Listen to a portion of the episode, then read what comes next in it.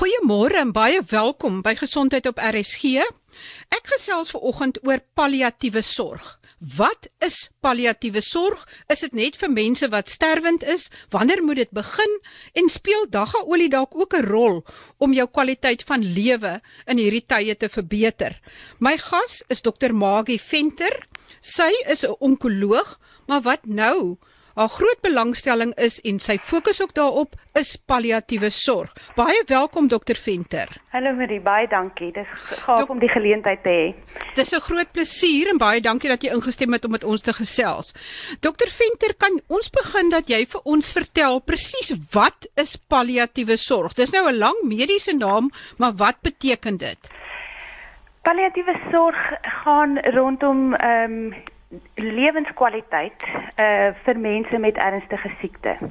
So dit is 'n mediese diens wat tipies gelewer word deur 'n span ehm um, wat dan na die pasiënt uh en sy familie in 'n holistiese manier kyk en sorg dat die biopsigososiale en spirituele aspekte van daai persoon ehm um, in ag geneem word in die behandeling en besluitneming en sorg van die pasiënt.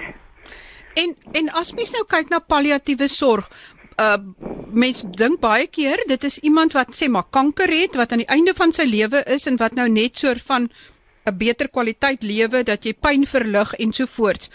Is begin dit eers wanneer alle ander behandeling nie meer werk nie of moet dit eintlik al begin saam met die eerste behandelings? Ja, ek dink dit is een van die mites wat rondloop dat dit is of of mediese sorg of palliatiewe sorg en uiteindelik wil ons tog die twee hand aan hand laat loop.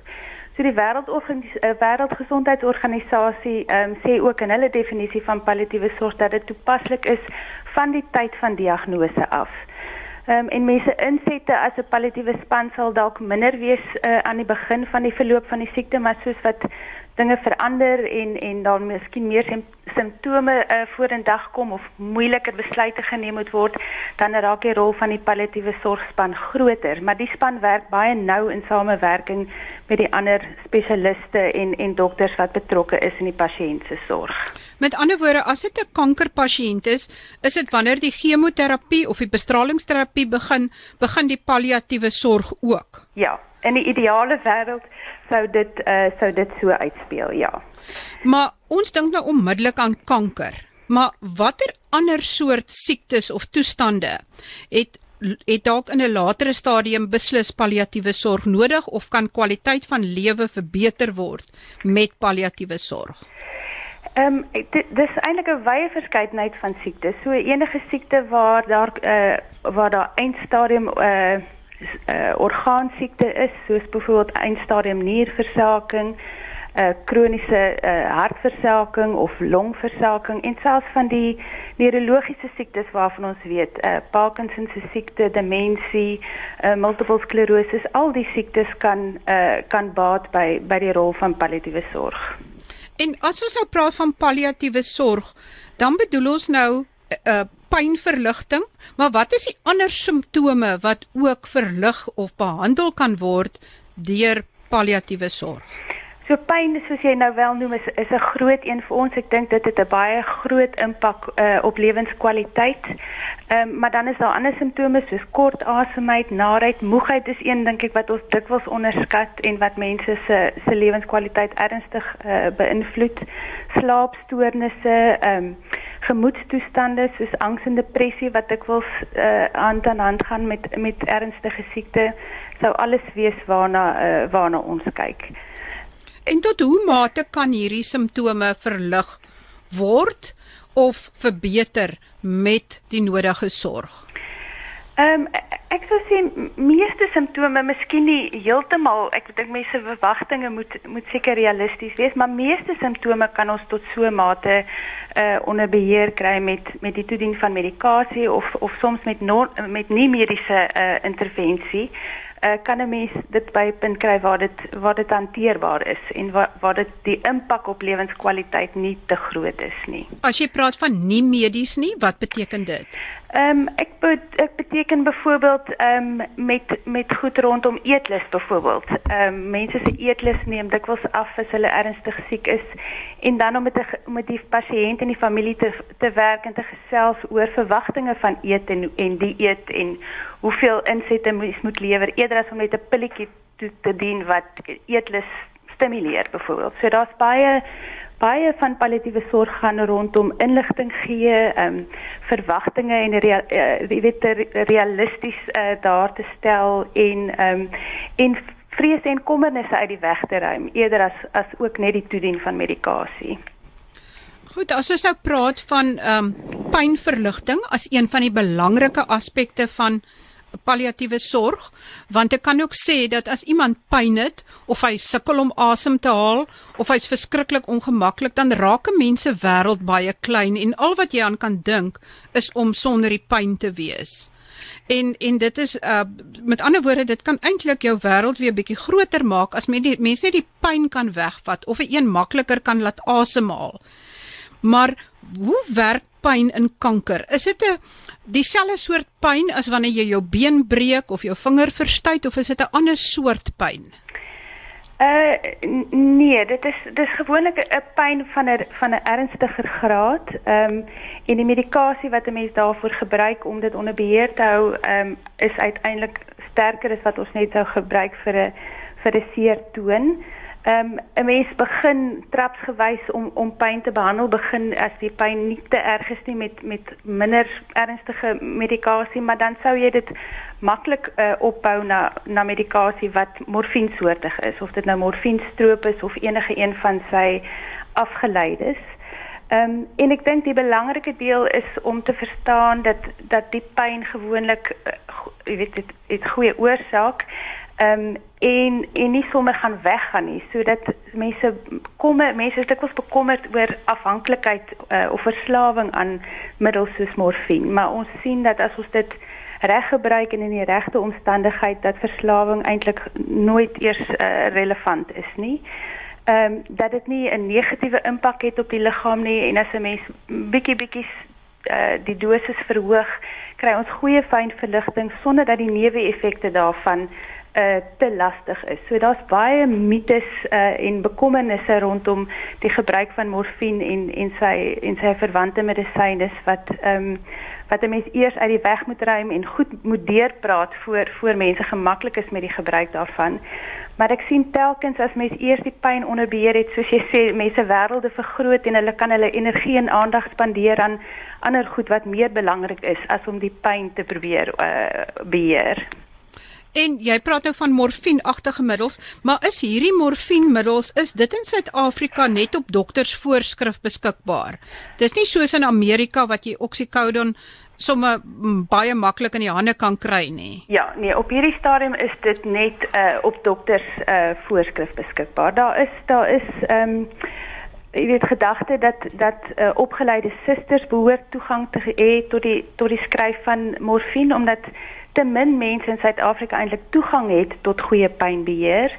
Ehm um, en en een van die redes sou wees dat daar te min mense is wat wat kundig is om dit voor te skryf. So dit sou sinvol waarskynlik wees om susters ook daai daai mag te gee, maar dit is op hierdie stadium nie iets wat uh, wat moontlik is nie. Maar 'n uh, oordosis morfine kan ook lewensgevaarlik wees.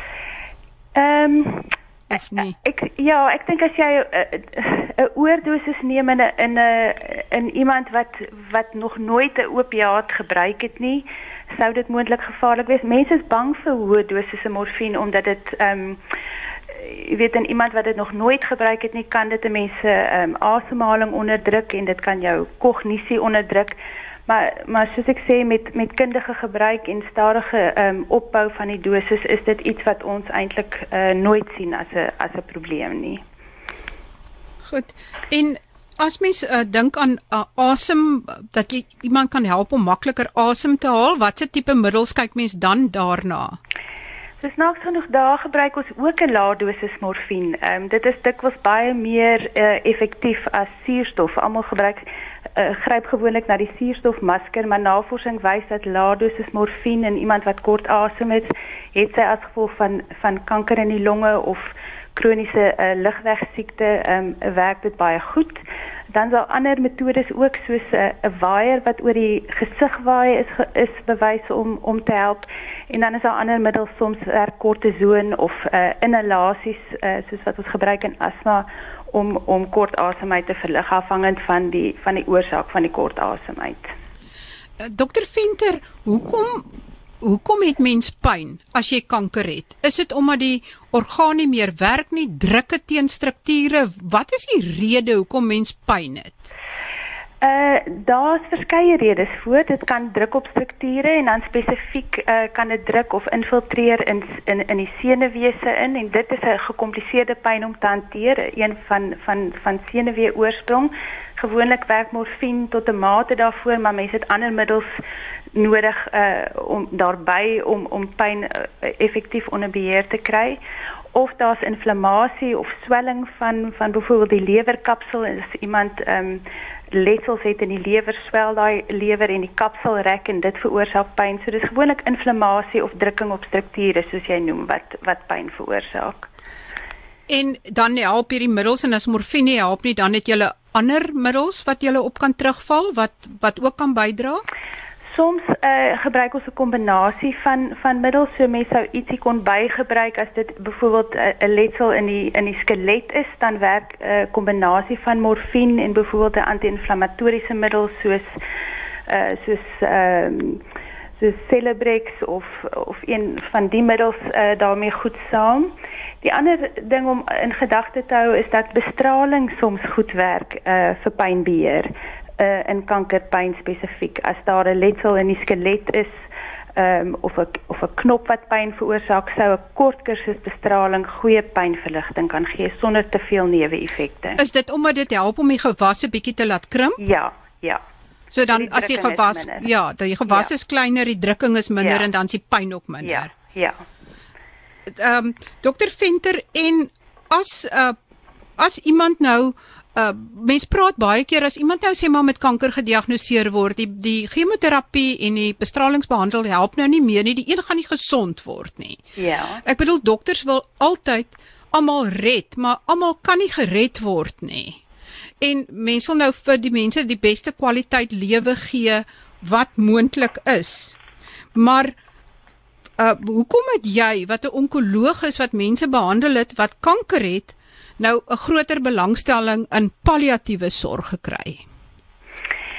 Ehm um, ek dink my uh, my persoonlike reis was uh, een van 'n regte dilemma met met ehm um, met besluitneming rondom wat is die beste behandeling veral as iemand as jy iemand nie kan genees nie en hoe jy weet hoeveel sou mens mense laat deurgaan vir die moontlikheid van ekstra tyd en en watter rol speel kwaliteit en so ek het daar vasgehak en en en in my lees en en rondsniffel op hierdie wêreld van palliatiewe sorg ehm um, afgekom en en een van die belangrike rolle is dan om met mense te kan deurdraf wat is hulle waardestelsels indien tyd minder is as waarvoor mens hoop en en daarmee bedoel ek maande of jare ehm um, wat is vir mense belangrik ehm um, en en waarvoor is mens uh, bang waaroor is mens bekommerd en en is die behandeling wat 'n mens dan voorgestel word pas dit in met al daai ehm um,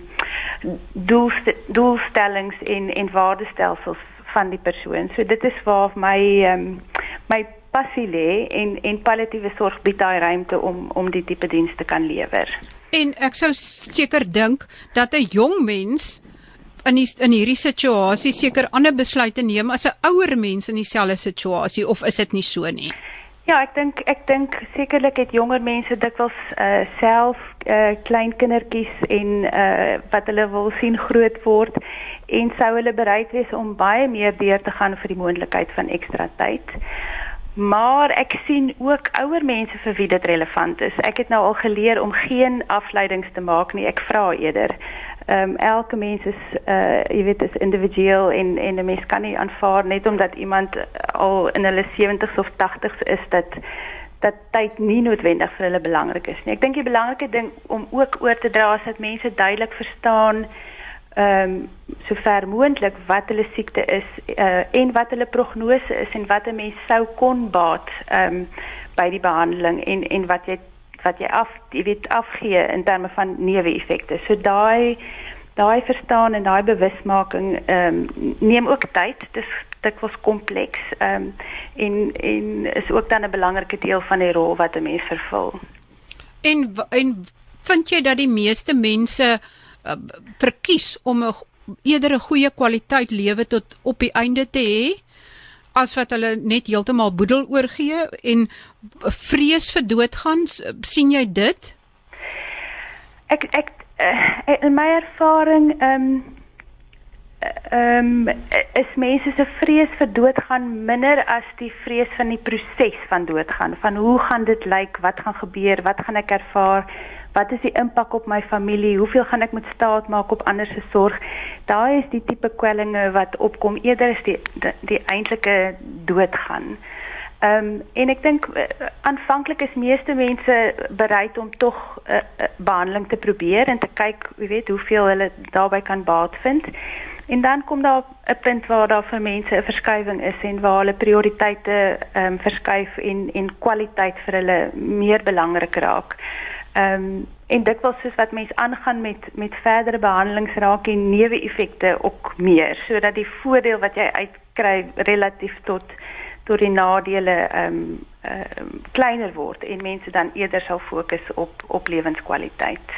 En jy jy vind dit bevredigend om hierdie reis saam met hulle te voltooi. Ja, ek ek bly ek bly nuuskierig, ek bly elke dag leer. Ehm um, mense ehm um, mense bring baie mooi verhale van van van hulle reis en en ek verkies die woord reis eerder as ehm um, eerder as 'n geveg. Ek ek raak altyd al gefrustreerd as mense sê hulle het die stryd verloor want dit voel vir my baie onregverdig. Mense werk baie hard aan die einde van hulle lewe en en dit is eintlik maar eerder 'n reis as wat dit 'n stryd is want 'n stryd impliseer altyd 'n verloorder en ek dink selfs al kom jy tot sterfte beteken dit nie jy het verloor nie. Daar's daar's baie wat gewen word in die proses. En en die hele soeke na menswaardigheid selfs tot op die einde. Uh, klink dit vir my of dit nogal 'n belangrike aspek vir baie mense ja, is. Ja, menswaardigheid en ek dink menswaardigheid, jy weet wat dit beteken verskuif vir mense oor tyd. Ehm um, so ek sê menswaardigheid en betekenis aan die einde van lewe. Ehm um, is is is belangrik, ja. Dokter, julle het onlangs 'n uh, vereniging gesig gestig vir palliatiewe sorgpraktisyns. Kan jy vir ons net vinnig daarvan vertel want kan mens palliatiewe sorg net in 'n hospies kry of in 'n hospitaal of kan jy dit tuis ook kry? So ek dink uh, in die verlede is is palliatiewe sorg en hospice uh wie weet daai twee woorde het altyd saamgeloop en die verstaan was dat net hospice uh palliatiewe sorg lewer en en en dit was vir 'n tyd lank uh waar. Maar ek dink in die laaste 10 jaar het die dissipline um uh gegroei en is daar baie meer praktisyns uh en verpleegsters en maatskaplike werksters dieetkundiges wat wat opgelei is in palliatiewe sorg en dit het uh, uh, in plekke soos Amerika word dit nou erken as 'n subspesialiteit. Ek dink daar word verwag van alle mediese gesondheidswerkers om 'n palliatiewe sorgbenadering te hê tot hulle pasiënte en 'n basiese um, basiese uh, kundigheid te hê rondom palliatiewe sorg, maar maar daar is definitief ook ruimte vir dit as 'n as 'n as 'n ekstra uh, spesialiteitsrigting wat uh, wat spesifieke kundigheid het. En daarom het ons ook dan nou ehm um, verlede jaar 'n uh, 'n uh, soos jy nou noem die assosiasie van palliatiewe sorgwerkers gestig en ons het nou 73 lede almal dokters wat ekstra uh, addisionele opleiding in palliatiewe sorg uh, gedoen het en baie wat graag die diens sou wou lewer as ehm um, as uh, jy weet as die alleen werk wat hulle doen. Meeste mense moet vir finansiële redes wat ook al hulle doen of dit nou 'n onkoloog is en of dit nou 'n huisarts is uh, of in die hospitaal werk moet kan so 'n bietjie palliatiewe sorg doen, maar maar vir die res moet hulle lig primêre werk doen. En ons hoop om dit te kan verander. Befondsing of dit nou in die staat is en of dit nou in die privaat sektor is, is befondsing van vir palliatiewe sorg nog baie ehm um, on uh, onvoldoende. So dit is een van die goed waarvoor ons ons beywer sodat meer mense gelok sal word uh, om die werk te doen en dat meer mense uiteindelik toegang het tot die diens. En ek skat daar moet seker ook voldoende verpleegkundiges wees om om dit om met die diens te help. Absoluut. Die verpleegkundiges sou waarskynlik die grootste steunpilaar wees in so 'n diens uh met ook dan maatskaplike werkers, maar verpleegkundiges speel waarskynlik amper die belangrikste rol in die span, ja. So ons hoop almal dat verpleegopleiding uh, baie spoedig reggeruk kan word sodat meer verpleegkundiges beter opgelei kan word in alle aspekte ook in palliatiewe sorg. Absoluut. Uh en ook voorgraads mediese studente in in party universiteite ontvang nou so klein bietjie palliatiewe sorgopleiding en dan van die spesialiste, ek weet daar's van die onkolo uh onko onkologie uh departemente wat nou vir hulle ehm um, kliniese assistente ook opleiding gee in palliatiewe sorg sodat almal 'n goeie basiese uh, kundigheid het daarvan. Dokter Venter en dan ons kan nie afsluit sonder dat ek vir jou vra oor dagga olie nie. Ja. Waar is daar 'n rol vir dagga olie in palliatiewe sorg? Uh want almal gryp nou na die uh THC of CBD. Wat kan dit enigsins 'n rol speel? Kan dit help? Kan dit nie help nie? Ja, so ek dink mense gebruik die daggeolie vir twee redes. Die een is met die hoop dat die dat dit die kanker onder beheer sal bring en ek dink daarvoor is daar regtig baie min bewyse. Ehm um, en andersins dan om uh, om simptome te beheer en dan 'n wye verskeidenheid, pyn, uh, eetlus, uh, slaap. Ehm um, in my ervaring ehm um, dink ek mense kry redelike goeie voordeel vir slaap en, en miskien so 'n bietjie eetlus stimulering. Ehm um, maar vir pynbeheer verkies ek nog steeds uh, die opiate wat ons goed ken. Ons weet wat die dose is, ons weet om dit aan te pas. Uh en vind ek dit meer doeltreffend as as die daggeolie. Die die ongelukkig is die en ons kort goeie ehm um, navorsing daarin want op die oomblik is die navorsing daarin beperk en is net uh, staaltjies. Ons het ons het regtig behoefte aan aan goed gestruktureerde navorsing uh, om om die daggeolie kwessie uit te klaar. En as jy praat van daggeolie, verwys jy dan net na die CBD of of en nie die THC wat jy op 'n haai sit nie? Ja, ja, so die wat vir mediese mediese doeleindes gebruik word want um, ek het net onlangs gesien dat die mense wat vape, daai dampe ja. rook, dat uh, die wat THC in dit dat dit beslis tot allerlei long en ander probleme lei en dat die ander middels in vaping ook uh, tot die dood kan lei. Ja, dit kan skadelik wees. Dokter Venter, as jy 'n finale boodskap het wat jy graag wil hê dat iemand wat nou sit en luister, moet van kennis neem, wat sal dit wees? Ehm um, ek dink regtig om te besef dat palliatiewe sorg gaan oor lewenskwaliteit en oorlewe uh en hoe mense dit wil aanpak ehm um, in die gesig van ernstige siekte en dat mense nie daarvan moet wegskram omdat hulle dit so nou assosieer met met die laaste stukkie van lewe nie. Ons wil regtig die ondersteuning kan bied van vroeg af. Ek, ek dink daar is daar is baie waarde daarin sodat pyn en tekort aan asem en slaaploosheid nie jou leef jou wêreld al hoe kleiner maak nie. Ja, as ook al die emosionele, psigososiale, spirituele aspekte van van die lewe en en 'n bietjie koördinering van sorg en verstaan van die siekte en die prognose.